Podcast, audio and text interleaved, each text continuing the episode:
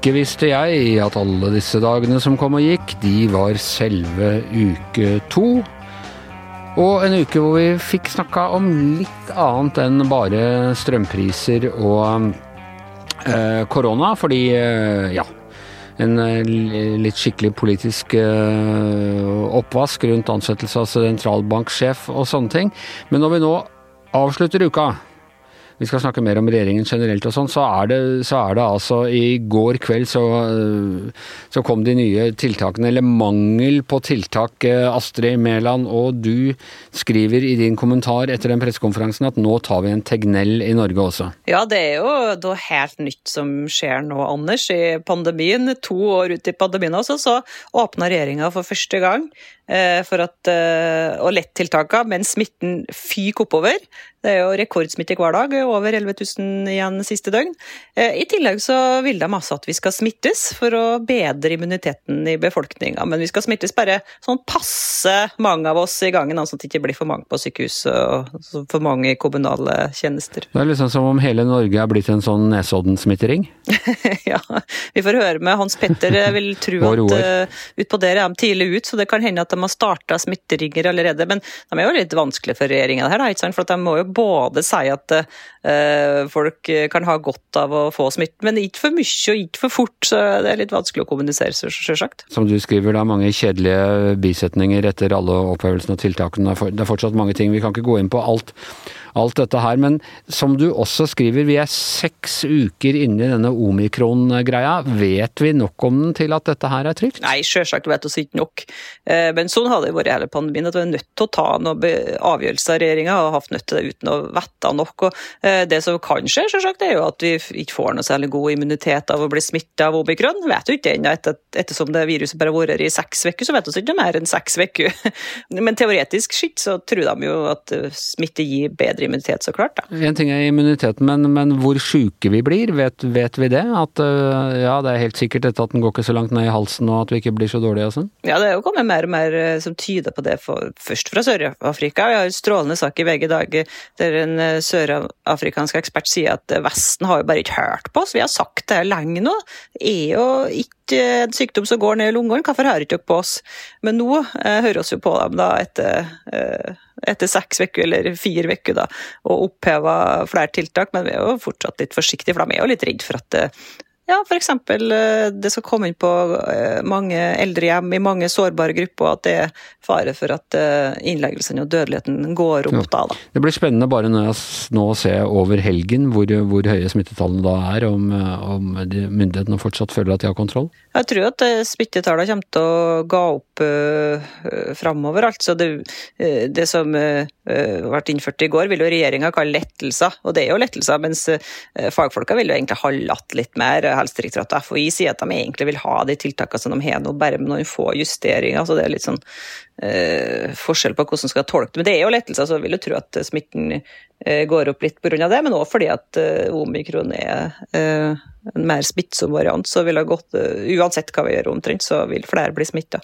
Jeg har fortsatt lyst til å prøve å unngå å få den, ja, men uh, allikevel. Det, det, er vel ikke det er, Ingen slipper unna nå til slutt. Nei, så skal ikke si det, det gjenstår å se. Eh, det kan hende at bølgen går ned fortere enn vi tror, at den gikk ned fort i Sør-Afrika. er en god nyhet. Og så kommer våren, og da demper smitten, og da kan du jo leve en sommer til uten å ha hatt omikron. Ok, nei, vi, vi krysser fingrene. Det nærmer seg 100 dager for eh, regjeringen eh, Støre. 100 ikke helt enkle dager, det har vi snakket om mye her. At at um, det har vært regjeringer som har hatt, hatt bedre hvetebrødsdager. Eh, egentlig er det en uke, det er 93 dager. Det er en uke til, eh, til regjeringen har vært 100 dager, men eh, vi liker å være tidlig ute her i VG. Og dessuten så er ikke du her neste uke, sånn Sofie? vi er alltid foran, prøvde jeg å si, men jeg fikk en liten påpekning av sjefen her at det var en annen avis. Men vi er det i praksis alltid foran. Vi er i praksis alltid ja. foran, men det er ikke vårt slagord, Hanne. Nei, det er ikke slagordet folk bare vet det, og vi vet det. Dagen er ikke helt den samme uten oss, det er slagordet vårt. Nemlig, og det er et fint slagord. Det er veldig hyggelig, hyggelig slagord. Men uh, altså, dette med 100 dager, det var vel egentlig noe som starta ofte med amerikanske presidenter, men det altså blitt vanligere med norske regjeringer også. At, hvorfor har man det sånn at man skal måle på hva de har gjort de første 100 dagene? Eh, Det handler vel litt eh, Arbeiderpartiet har jo kommet med masse konkrete løfter om eh, politikk de skal utvikle innen eh, 100 dager, men det handler vel litt om det å få en god start og sette sitt preg Vise at i- man er handlekraftig, Ja, liksom. men så er det vel også litt sånn historisk også litt at dette er liksom de hvetebrødsdagene hvor de kan få litt sånn fritt leide og få holde på litt i fred uten at man stiller for mange krav til dem. Og helt sånn har det vel ikke gått med den nye gjengen, da. Jeg husker det var Willoch som sa et eller annet om at først skulle han uh, si opp den og den, jeg husker ikke hvem det var, og så skulle han ta av seg jakken. Det var et eller annet eh, sånn som virkelig skulle vise at han var i gang fra, fra første sekund. Ja, det er nok liksom Tone Sofie sier også, at det, det er den tiden hvor man gir dem litt slack, da. De må få lov til å finne rollene, de må få lov til å sjøsette de store prosjektene sine. Eh, De må rett og slett få litt De må få oppløse Viken og redde noen skoler rundt omkring og, og i det hele tatt. Men de har jo altså da ikke fått sjansen til å, å få den type positiv oppmerksomhet rundt de tingene, fordi de har fått eh, strøm og, og pandemi i eh, i henda. Og Tone Sofie, altså hvis vi skulle se litt på sånn eh, Du er ikke så glad i terning, men, men hvem som har gjort det best, og hvem som har gjort det dårligst av, av i regjeringen så langt? Ja, det er jo, det er jo liksom altfor tidlig å begynne å rulle ut uh, terningkast. For det er jo, og det ville også vært en ganske urettferdig øvelse, for det er jo mange av statsrådene, sjøl vi som eh, følger det tett, uh, knapt har sett. Det er bare de som Eh, var på Slottsplassen som vet hvem de er. Ja, omtrent. Eh, Og mm, her om dagen så så jeg faktisk eh, den tidligere Senterpartileder Odd Roger Enoksen i stortingsrestauranten, og da bare Å, ja, ser du, han er jo i regjering! Ja, det er, Og det er jo et eksempel på en statsråd som ennå ikke har fått eh, skinne så veldig mye i offentligheten. Og tror dere alle våre lyttere nå tenker 'Å ja, det er forsvarsministeren'? Eller tror de nå begynner å tenke 'Hvem? Hvor? Hva er det han er igjen'? Bredbånd i distriktene, tenker jeg hver gang jeg hører Adder og Roger Og for å ta en liten quiz på deg, Anders. Hva heter f.eks. Du samferdselsminister? får ikke ta de quizene på meg, det har jeg sagt før. Det er, går eh, det er du som er Rain Man her i avdelinga på hva alle sammen heter. Ja. Men i en normaltilstand så tror jeg faktisk at eh, alle ville Eller ikke alle ville visst, det, men i, mange ville visst. hva heter nestsjefen i sentralbanken, tenker jeg vi kan spørre Ja, deg den skal vi ikke gjenta. Eh, Nå rødma dere litt begge to. Ja, ja, hvorfor vi har lagt oss flate denne uka. vi har blamert oss dag etter dag, faktisk. Dag etter dag. Men eh, i en normaltilstand så tror jeg faktisk at samferdselsministeren er en person eh, i hvert fall politisk interesserte ville ha merka seg, men, eh, men det er også et navn som jeg tror fortsatt er ganske ukjent for de fleste. Han heter for øvrig Jon Ivar Nygaard, tror jeg. Ja, det visste jeg selvfølgelig, men jeg ville ikke Ja. si det, for da hadde blitt så brifte. Ja. Nei, jeg har jo prøvd å se litt på hvem er det som har fått en eh, god start, og hvem er det som ikke har fått det. Og, og det som kanskje Jeg syns er det litt sånn særprega med den uh, regjeringa så langt, eh, som eh, er veldig forskjellig fra Erna Solberg sin regjering, i hvert fall på slutten, var at da hadde hun et eh, mannskap hvor man også hadde særlig pandemien eh, man håndterte, og, og, de statsrådene som håndterte de store krisene, det var selvfølgelig Erna Solberg sjøl, Bent Høie i Helsedepartementet, finansminister Jan Tore Sanner og justisminister Monica Mæland. Jeg tror det var en ganske sånn utbredt oppfatning, litt sånn tverrpolitisk, at alle de gjorde en god jobb, var synlige, hadde høy tillit, og folk liksom stolte på at de styrte landet på en Litt som man hadde det med Stoltenbergs regjering da, da de gikk, liksom.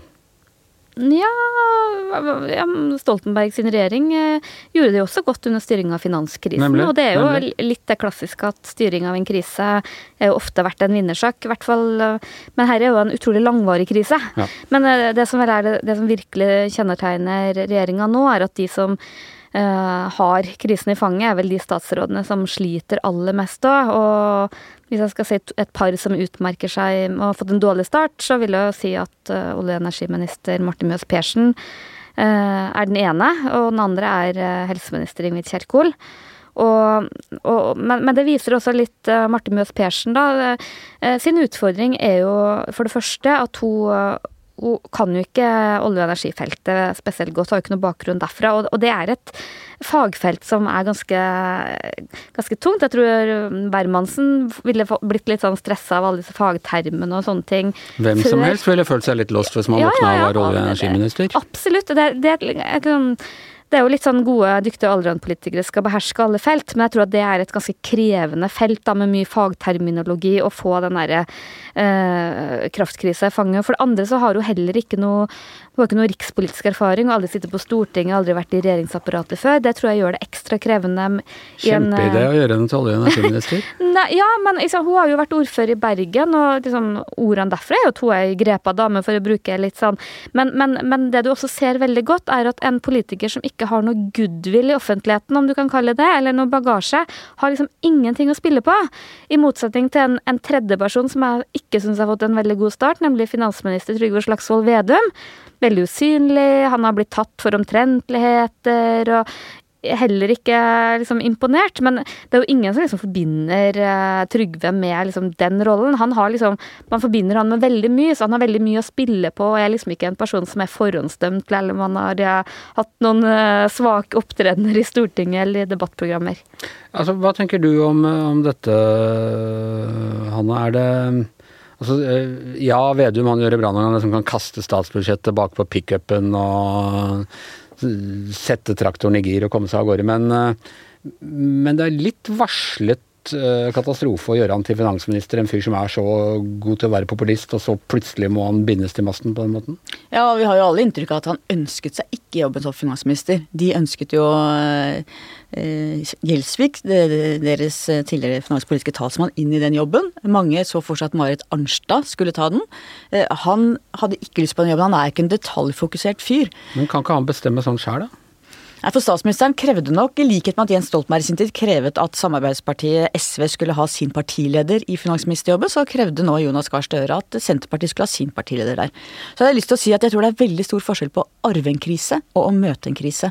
Fordi at det, å møte en krise, det er da du har, setter i gang handling, gjør ting, agerer kjapt. Mens når du arver den, så har de andre allerede blitt trent i å håndtere den. De har blitt ganske gode, og så kommer du ferskt inn og skal ta over.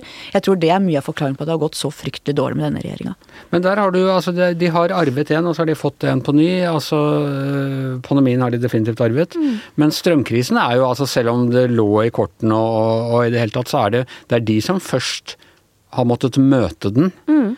Og på en måte skape en øh, dreiebok for hvordan man håndterer den. Absolutt. Og, så der hadde de på mange måter en eh, bedre forutsetning for å løse den godt. Men, der tror jeg er litt sånn prega av eh, for lite for seint. For her ser det ut som de liksom har kommet i halsen etter og ikke helt har skjønt alvoret. Og eh, jeg tror nok eh, at de ser nå at de burde vært mye tydeligere før på å betrygge folk eh, på at eh, penger kommer. For det er jo ikke penger som er problemet i den krisa her. Og det andre er å forklare folk hvorfor det skjer. For nå er det jo et vell av teorier og konspirasjonsteorier om hvorfor, som har gitt veldig vann på mølla til de som mener at det er hele strømsystemet det er noe galt med. Og så tror jeg det gjør det ekstra vanskelig for dem at det ligger en bombe under her om at mange i Senterpartiet og Arbeiderpartiet er ganske uenige om veien ut av en sånn krise, og om det er i EU og internasjonalt strømmarked som er den store stygge ulven, eller om det er noe helt annet. Men i sånn etterpåklokskapens lys, dette var en dette var virkelig en sånn krise selv. Hanne Skartveit må være enig i at man bare kan kaste penger etter. fordi er, altså Økte strømpriser er økte inntekter til det offentlige. Man kunne bare tatt og kasta de penga tilbake. Kunne man ikke det, Hanne? Eller er det brudd med handlingsregelen? Jo, det kunne man. Eh, helt åpenbart. For som du sier, det er store inntekter inn som kunne gått ut. Det handler om at du må gjøre kraftpolitikken i en slik situasjon også til fordelingspolitikk, for det er det dette handler om.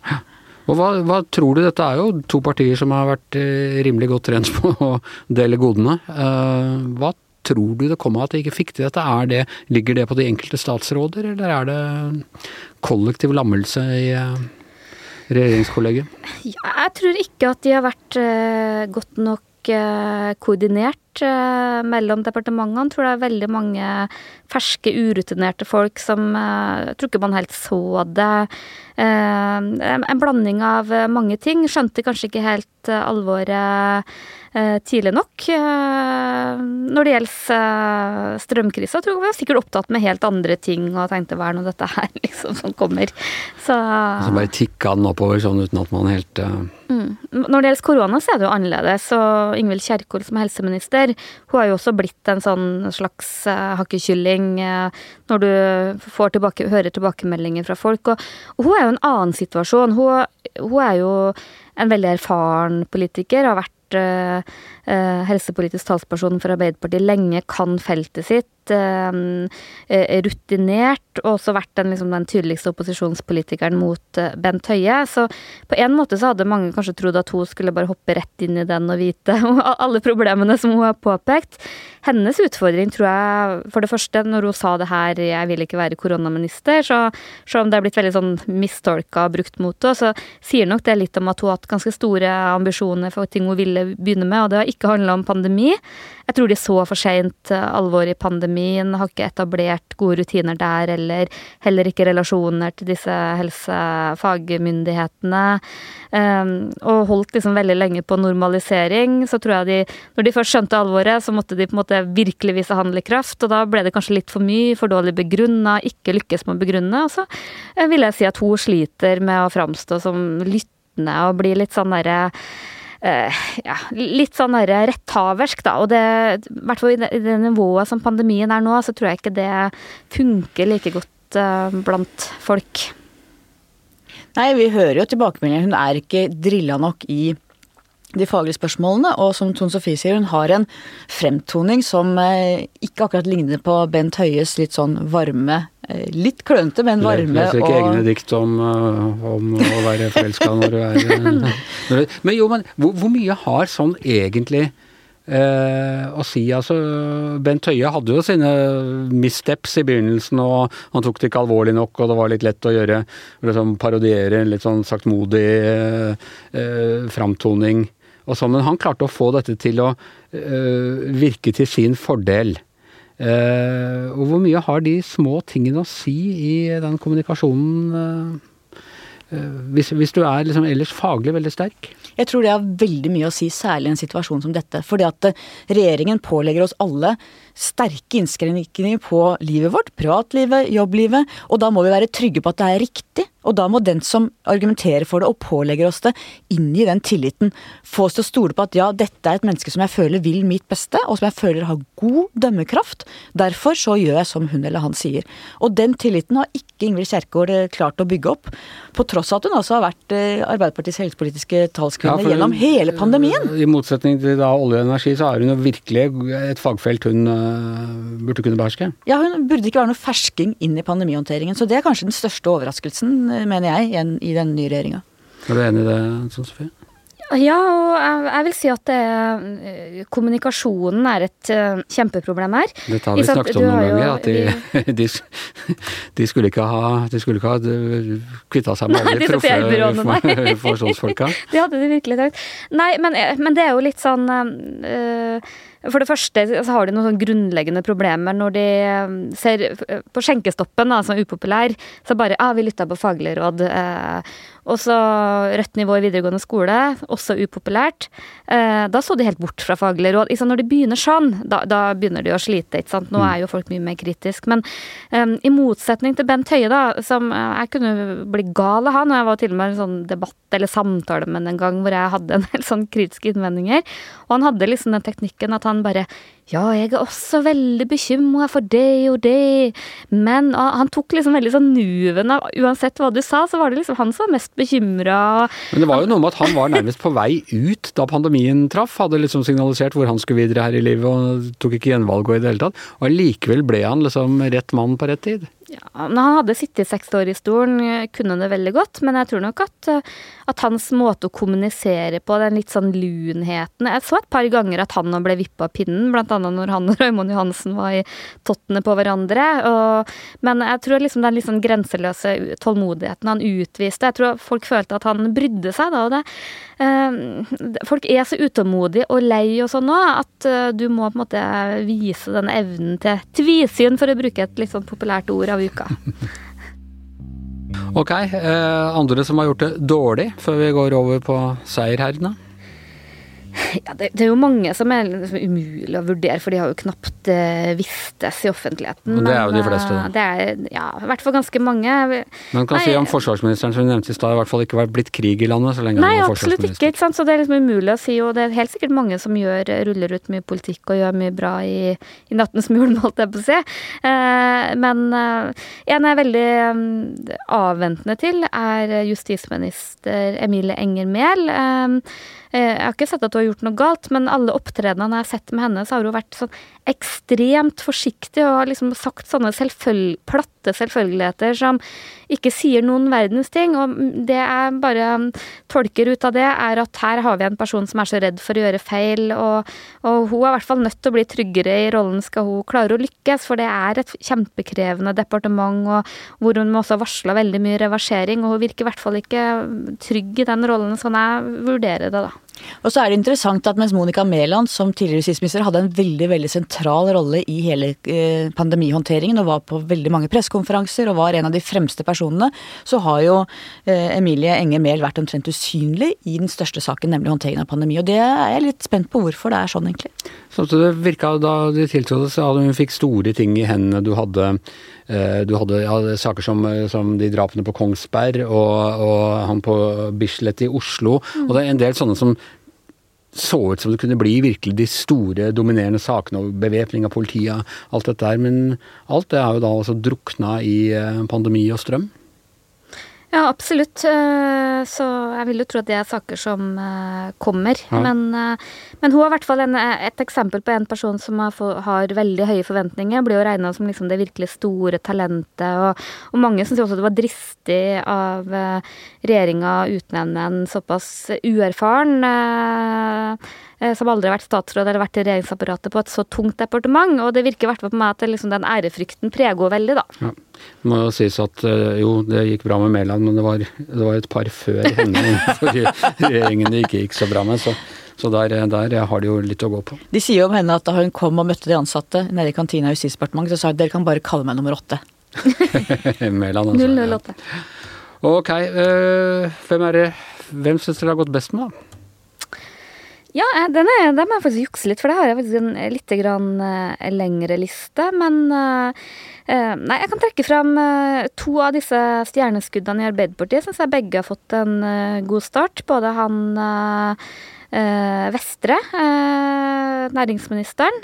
Jon Christian Vestre. ja, nå begynner jeg å bli bekymra over Han fikk skinne litt i begynnelsen, og har forsvunnet litt for meg, men, er, men, men, i motsetning til noen andre, da, f.eks. Tonje Brenna, som jeg også syns har fått en veldig god start, kunnskapsministeren, så er han er jo helt uprøvd. Han har fått reist rundt og holdt masse taler og vært på masse bedriftsbesøk og fått en flying start fordi han har en litt annen bakgrunn. Veldig verbal, interessant person. Uh, eh, fått mye oppmerksomhet i kraft av den rollen og vært, vært i noen eh, debatter hvor jeg syns han gjør en veldig god figur, men han er jo overhodet ikke prøvd i noen krise eller noen politiske saker. Så det er jo kun staffasje, om jeg kan kalle det det. Men det er jo, det, det er jo Innpakninga har jo litt å si, det da. Men, men, han er det friske pustet som kommer fra en litt annen bakgrunn enn det Arbeiderpartiet Absolutt, og gjør det gjør en så langt har gjort en veldig sånn god figur. Så får vi nå vente på når han først skal begynne med politikk, da.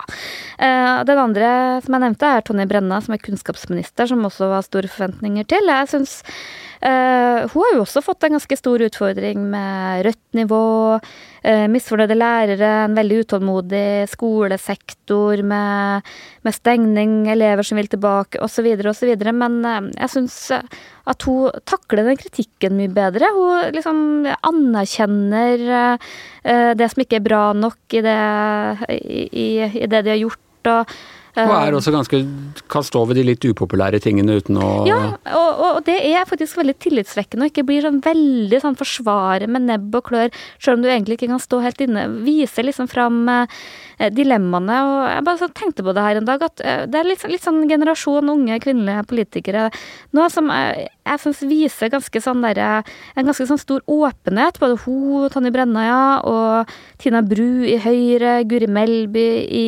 Venstre. Uh, Kari Elisabeth Kaski, SV, de, de, har, de, har, en sånn stil som uh, fungerer veldig godt. Da vil jeg ta med hun sånn... Sneve i Rødt, ja, syns jeg også har litt ja, av den uh, De ber ikke om unnskyldning for noe, men de er også samtidig lyttende og ja, de, de svarer ordentlig. Mer lyttende, litt mer åpne, litt mer sjølkritiske enn en mange som politikere har vært, som kan bare veldig sånn, forsvare sitt med nebb og klør, og det fungerer veldig godt.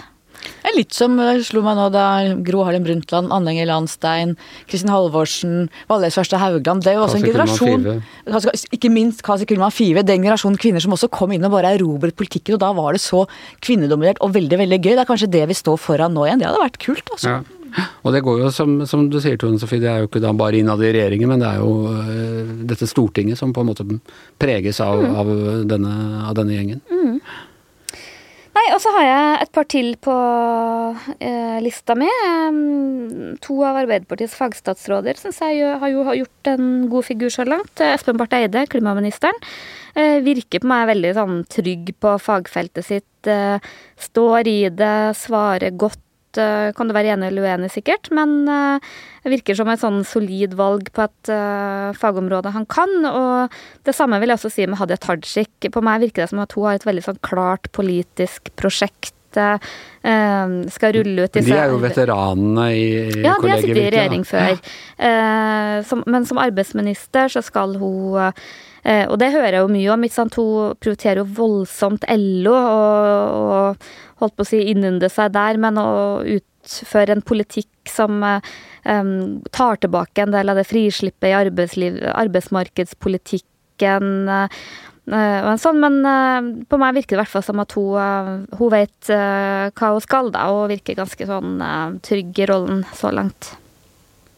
Espen Barth Eide, din gamle venn Hanne? Han uh, eh, syns jeg også gjør en bra jobb. Men jeg vil også særlig trekke frem Tonje Brenna, som jeg syns er kjempeflink. Og hun har en sånn cut the crap-stil som er ganske deilig. Uh, og, er, og, står stødig i alt. Og jeg tror hun også inngir en sånn type tillit, og folk føler at hun vil vårt beste, og det er en god egenskap for en politiker. Og Tajik? Jo, hun er også kjempeflink. Absolutt. Ja. Det er, du, er det noen du har vært uenig med, med uh, Trond Sofie her, eller noen du vil, eventuelt vil legge til? At du må over de dårlige, så må vi ha med den og den, eller? Eh? Nei, men eh, en annen jeg syns er interessant, det er Kjersti Toppe, barneministeren, som jo heller ikke har vært noe særlig framme i pandemien, samtidig som eh, barns eh, situasjon gjennom pandemien har vært veldig viktig. Kjell Ingolf Ropstad var jo mye mer sentralt i pandemihåndteringen, også i offentligheten, enn det hun har vært. Det er også en som jeg tenker jeg trodde skulle være mye mer synlig og mye mer tydelig. Jeg har et par til ja, på positivlista. Nei, jeg må vel ta med litt, vi må jo fordele litt mellom partiene. Nei, på Senterpartiet så En som jeg, jeg syns gjør en uh, solid figur uh, uh, i offentligheten, er Bjørn Arild Gram. kommunalminister som har gått fra kommunal og, og digitaliseringsminister til kommunal- og distriktsminister. Det er jo et viktig signal.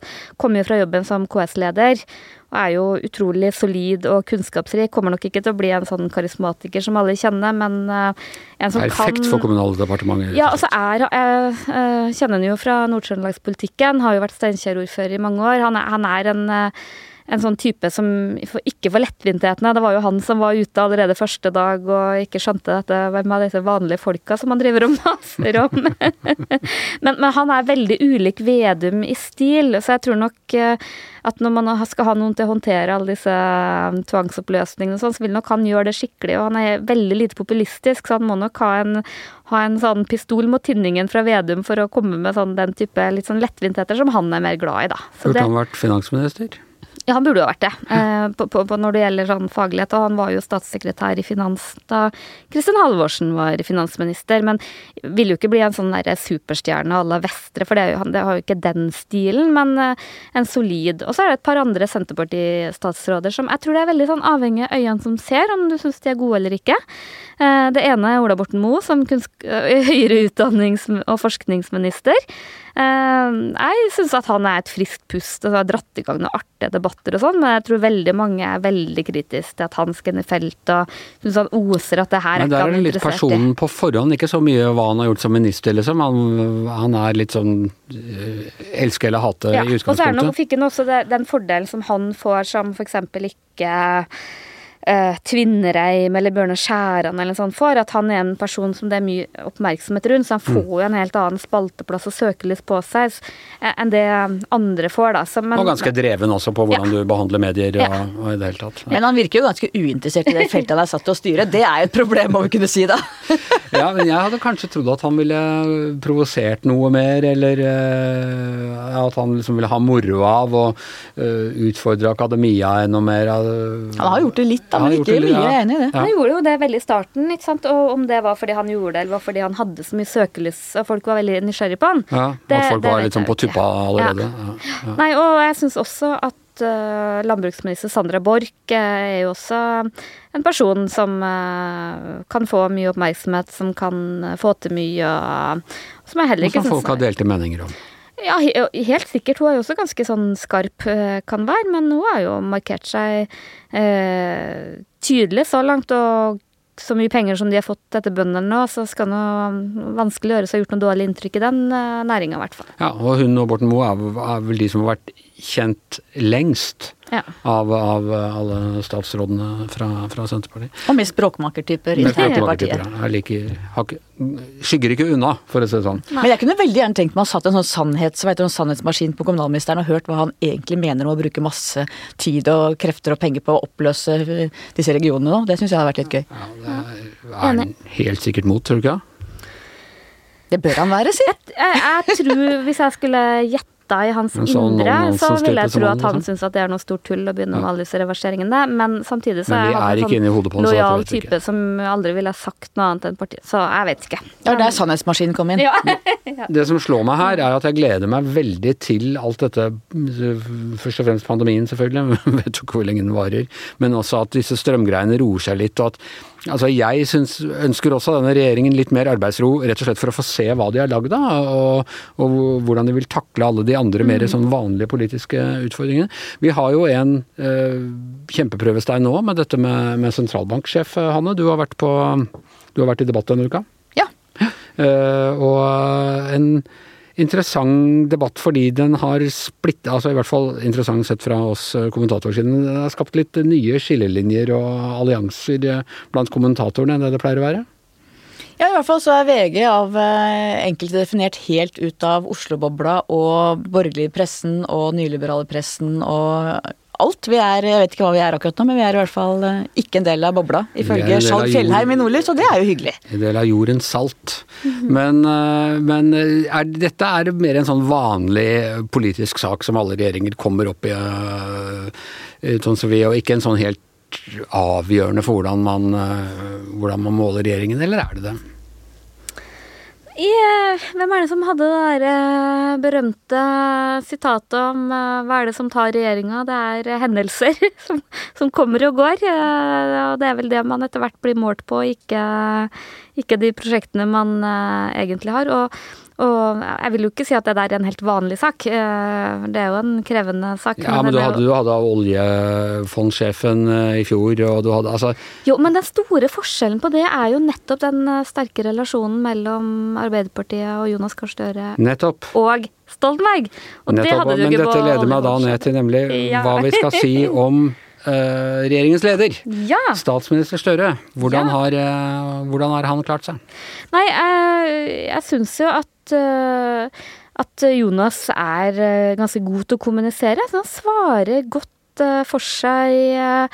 Når han snakker om pandemi, så framstår han mye mer lyttende og tar liksom tvi, tvesynt. Tvisynt. Tvisyn, ja. Tvisynt, og og jeg syns han behersker statsministerrollen når han står og skal svare i Stortinget og er med i debatter og sånn. Jeg syns ikke det er problemet hans. Eh, eh, men som øverste ansvarlig for, eh, for, så mye, så er det jo vanskelig å si at, at, at Jonas har fått en enestående god start, da. Det ja, Han har jo rota det godt til f.eks. i den Stoltenberg-saken, hvor han først sier noe om en samtale de har hatt, så om noe annet. Og det virker jo også både med Vedums eh, soloutspill når det gjaldt skjenkestopp, og eh, kanskje også dette med hvem skal betale for kostnader ved oppløsning av regionene. Det virker som han ikke har helt styring med det kollegaene er satt til å lede. Er det litt rart, en fyr som virker så ryddig i hodet, egentlig? Altså, du, du hører når han snakker og han resonnerer, og, og det går veldig fort rundt, og han er veldig rask til å liksom lande bitene på, på, plass i hodet og sånne ting. Men så er det noen ting som han virker han bare rett og slett tar for lett på. F.eks. sånn når han blir spurt om når snakket du med Stoltenberg om dette? Mm. Kanskje han er litt for kjapp, at han svarer litt fort, og så skal han liksom Blir han fanga i sitt eget ting? Du må jo alltid snakke sant. Du må ja. alltid si hvordan tingene er, og så må du alltid safe og si Ok, hvis han i sitt hode tenker at det var bare nevnt, så må han likevel si at jo, men det var bare nevnt. Og dette er en fyr som da liksom altså Han går tilbake, han jobba for Gro Harlem Brundtland, han har ja, Disse mm. tingene er det veldig rart at han ikke har helt på plass. Tønsberg? Ja, jeg syns jo hvordan han har uh, tråkka i salaten med den her samtalen eller turen, og det er en veldig sånn størsk måte å formulere det på. Jeg vil ikke definere det som en samtale. Er, det er sånn som bare han kan begynne. Og, men jeg vet folk som har jobba veldig tett på de begge to, har sagt at der Jens var på en måte ekstremt opptatt av detaljene og var om man bare skulle møte en lokalavisjournalist, eh, så var det liksom terping og pugging og øving og prepping og var veldig sånn. Så er Jonas mye mer sånn bare kommer litt sånn uh, skliende inn på et bananskall, eller sånn. Han er mer fri, ass. ja. I hvert fall ikke en sånn som er liksom sånn nå må jeg gå veldig nøye gjennom mine talepunkter, og kanskje ha mer tiltro til sin evne til å um, tenke høyt og, og sånn. Uh, det tror jeg er det ene. Og det andre er jo Eh, som jeg mm, fortsatt er, ikke vet så veldig mye om hvordan fungerer som statsminister, er jo hans evne til å skjære igjennom, ta vanskelige beslutninger. For jeg tror at han liker litt sånn ja, nå, nå, er vi alle, nå er alle parter fornøyd og finner en litt sånn diplomatisk mellomløsning, men veldig ofte i en regjering så, så kan du ikke det. Du er liksom nødt til å liksom skjære igjennom og si at der skal vi gjøre det. F.eks.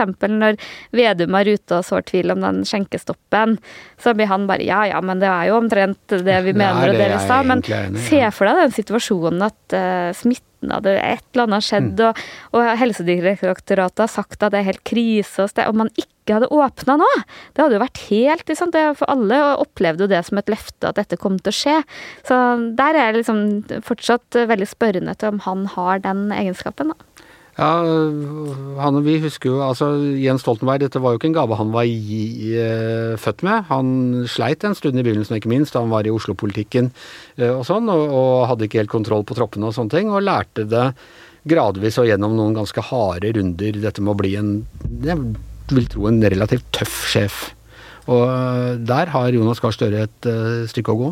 Ikke? Ja, og eh, jeg veit at Jonas Gahr Støre og folka rundt ham blir litt oppgitt når vi sier det, men han har altså ikke gått det de kaller partiskolen. Han har ikke vært med fra begynnelsen av med maktkamper. Han har ikke lært å hugge huet av folk Nei, på bakrommet? Faktisk, faktisk så har han ikke lært å hugge huet fra folk på bakrommet. Ikke sant? Han har ikke vært i de maktkampene, Her er min, ta han Drevet fraksjonering, ikke sant. Han har ikke gjort de tingene, han har ikke tatt de tøffe tingene. Og husk at han er altså første partileder i Arbeiderpartiet som var valgt og pekt ut av sin forgjenger.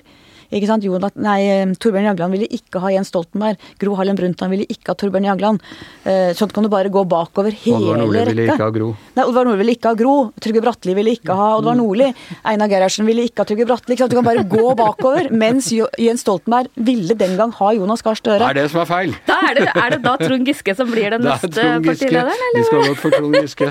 Nei, men vi ser at det har ikke vært spesielt vellykket. Og det betydde kanskje også at eh, Jonas Gahr Støre kom litt for lett til det første første omgang. Nå føler jeg vi har knukket Ap-koden her, rett og slett. Ja, ja, ja. Åpenbart.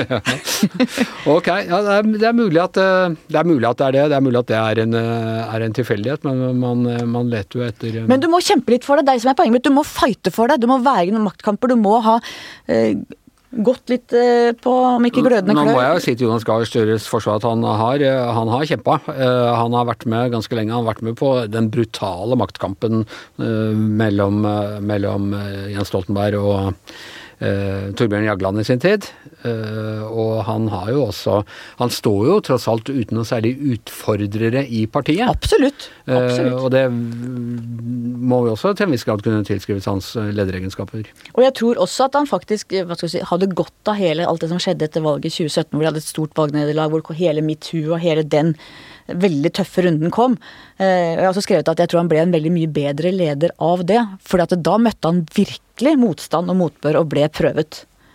Og Det så du jo veldig godt i valgkampen, hvordan han utvikla seg nærmest fra time til time. og og ikke minst på språket, som har vært en sånn som mange har gjort litt sånn uh, narr av hans uh, Grekenland? Ja, ja, litt luftige formuleringer. Så merka du at han virkelig øvde på å være mer konkret og, og lyktes med det og fikk sjøltillit. Så at han har utvikla seg voldsomt, det er ikke noe tvil om. Men jeg syns, uh, noe som han stadig sier, det derre vi har klart å finne et kompromiss i klimapolitikken som forener klimaungdommen og oljeindustrien, forteller liksom hvor naivt det er. For liksom, ja, det høres sikkert fint ut på en, en, formulering, men hver eneste dag så vil du bli prøvd i praktisk politikk på at det er ikke så enkelt. Ja, et regjeringsskifte det innebærer alltid store forandringer. Mye forandringer i mange menneskers liv. Politiske rådgivere, statssekretærer. Alt uh, kastes om på. Folk flytter og, må skaffe seg andre jobber og, og venne seg til nye liv. Men en gruppe som man kanskje glemmer litt, når, og som virkelig får uh, forandringer i, i, og utfordringer i livet sitt når, når regjeringer skifter, det er avisenes karikaturtegnere.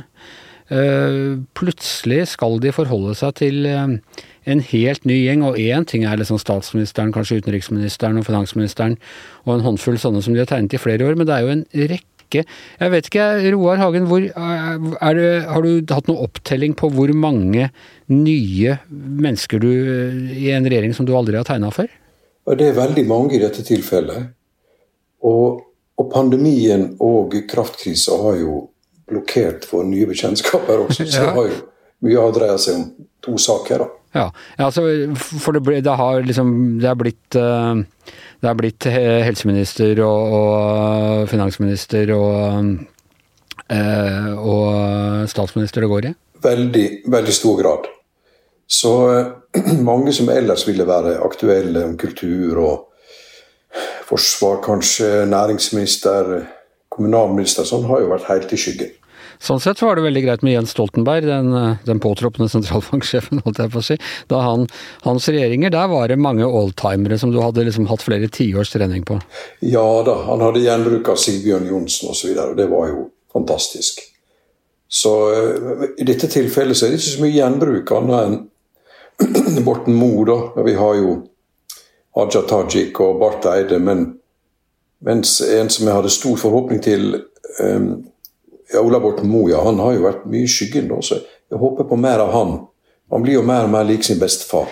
Men hvem av de du har nå måttet eh, begynne å lære deg, føler du at du har mest grep av, og hvilke syns du er vanskeligst? Helt klart vanskelig å tegne en del av de unge her. Jeg skal nok få til Sandra Borch. Eh, men en, en, som kan bli en stor politiker, kanskje Tonje Brenna, har jeg ennå ikke prøvd meg på. Nei. Uh, og Problemet er selvfølgelig at, at det da i, i, mitt perspektiv da er litt for unge og, og, pene, mange av disse her. Så jeg kan også ha forhåpninger til Trettebergstuen, som, som kan bli en slags Åse Kleveland-skikkelse, hvis, hvis hun får lov å utvikle seg. Eh, men eh, hva med eh, Kjerkol er jo en av, de nye statsrådene som har, har, vært mest fremtredende. Hvordan føler du at du har hatt grepet på henne? Hun var veldig lett for meg. Vel, veldig lett, egentlig. Og jeg brukte ikke egentlig så mange minutter på å få henne til. Siv Jensen fikk jeg aldri til. Nei. Mens Kjerkol var lett. Sånn er vanskelig å forklare hvorfor, men, men, eh, men det er noe med hennes eh, skal vi si, framtoning og, og, og, og uttrykk i ansiktet som, som, var svært enkelt å få til, syns jeg. da. Hvor lenge tror du at du vil tegne Jonas Gahr Støre og Jens Stoltenberg som siamesiske tvillinger? Må jo bare utvikle den videre. da, Så lenge dette partnerskapet er så tett, så er det jo veldig fristende. da. Sette deg inn i samme bukse, om du skjønner. Så det er jo two, two of a kind. Og, og begge er jo uh, Gros uh, gutter, da. Så, så, det er jo nokså nærliggende å benytte seg av det i karikaturen for å få fram denne spesielle forbindelsen inni Arbeiderpartiet, naturligvis. Det vil jo være veldig svakt av meg å ikke, ikke, bruke det i, i den jobben jeg skal utføre veldig takknemlig, egentlig. Og denne historien om middagen hos Brundtland er jo, er jo fantastisk eh, anvendelig for meg. Og sønnen til, sønnen til Gro Harlem Brundtland? ja, sønnen til Ja, Knut Brundtland. Sønnen til Gro, ja. Og jeg har jo, jeg har jo levd gjennom hele Gro-perioden. og ser jo liksom eh, og, og Thorvald Stoltenberg og Jens Stoltenberg, så jeg har jo fulgt disse folka i, faktisk gjennom generasjoner. Ja. Det er jo et det er jo, det er jo hyggelige folk, og, og, så, men det er klart det er også mønster i, i, i, i politikken her, og familien som, som gjentar seg, da, så, som er interessante for meg. Det, det, betyr ikke at jeg ikke liker disse folka, men, men, men, det er poeng som jeg kan utnytte i politiske kommentarer. Og holder du ut noen år til, så kan du begynne å tegne barnebarna deres. Altså på Bondevik er vi vel Bondevik er vel tredje Du og meg som sitter som sånne gamlinger og kommenterer om det. Ja. Ikke sant? Det er jo en karikatur i seg Ja, sjøl. ja, ja. Sånne to på Muppet Show-balkongen som Ja, det- ja da. Balkongen i Muppet Show, ja. Ja, ja Bondevik-generasjonen er jo nå i tredje generasjon, vel, så det er eh, Ja da. Så eh, Og hvis jeg var litt eldre, så kunne jeg til og med fått med onkelen eh, til eh, Kjell Magne Bondevik, gamle Bondevik sjøl, med von i hangende snøre. ja. Han som var djupt såra av vonbrot. Nettopp. Kjell Bondevik. Så vi lever i et land med politiske dynastier, da. Vi kan si det. Ja. Som, som, er, som en slags uh, Jeg vil ikke kalle det adel, for det har vi jo avskaffa i, i 1814. Men det er nå en slags, eh, eh, maktklaner som oppstår her og der. og som eh, Selvfølgelig må vi, vi må påpeke. Det er helt sikkert, i hvert fall, Roar, at du vil få nok å gjøre i, i tiden, tiden som kommer. Jeg skal gjøre mitt aller beste, og jeg, og jeg, hadde, jo, jeg hadde jo tiltro til den nye næringsministeren Vestre. Men han har jo blitt anonym etter at han, etter at han eh, sto på podiet i starten. Men han kan jo ha stoff i seg som kan være veldig interessant for meg. da. Ja. Må bare bli ferdig med strøm og sentralbank og pandemi, så tenker jeg du skal få Ja, Da tegne, kommer tegne dem skal alle sammen. fram i lys. Nå kom jeg på noe veldig viktig, Anders, så ikke vi får masse kjeft. Vi glemte Reiulf Steen i den rekka vår. Ja, ja. Reiulf Steen ville ikke ha Gro, og Olvar Nordli ville ikke ha Reiulf Steen. Bare Ja. for the record. Så er det La sagt. sann store Reiulf Steen og Gro har den Brundtland-debatten. Nei, det har vi ikke tid til nå, for nå er eh, Giæver og gjengen overfor i dag. Det er sju dager igjen til eh, regjeringen har sittet i 100 dager. Ting kan selvfølgelig snu seg, men vi er tilbake neste uke, og da kommer vi til å dekke det fortløpende mens det skjer. Ikke du da, Tone Sofie, for du, du er ikke her neste uke. Nei, jeg rømmer landet. Ja, det er eh, trist for oss, men eh, sikkert bra for deg. Gjever og gjengen er over eh, for denne uken. Eh, eh, takk til Astrid Mæland, takk til eh, Roar Hagen. Her i studio satt Tone Sofie Aglen og Hanne Skvartvedt. Jeg heter Anders Giæver, og mannen som kunne ha overtatt hvilket som helst departement når som helst, og samtidig fortsatt å produsere denne podkasten, er som vanlig Magne Antonsen.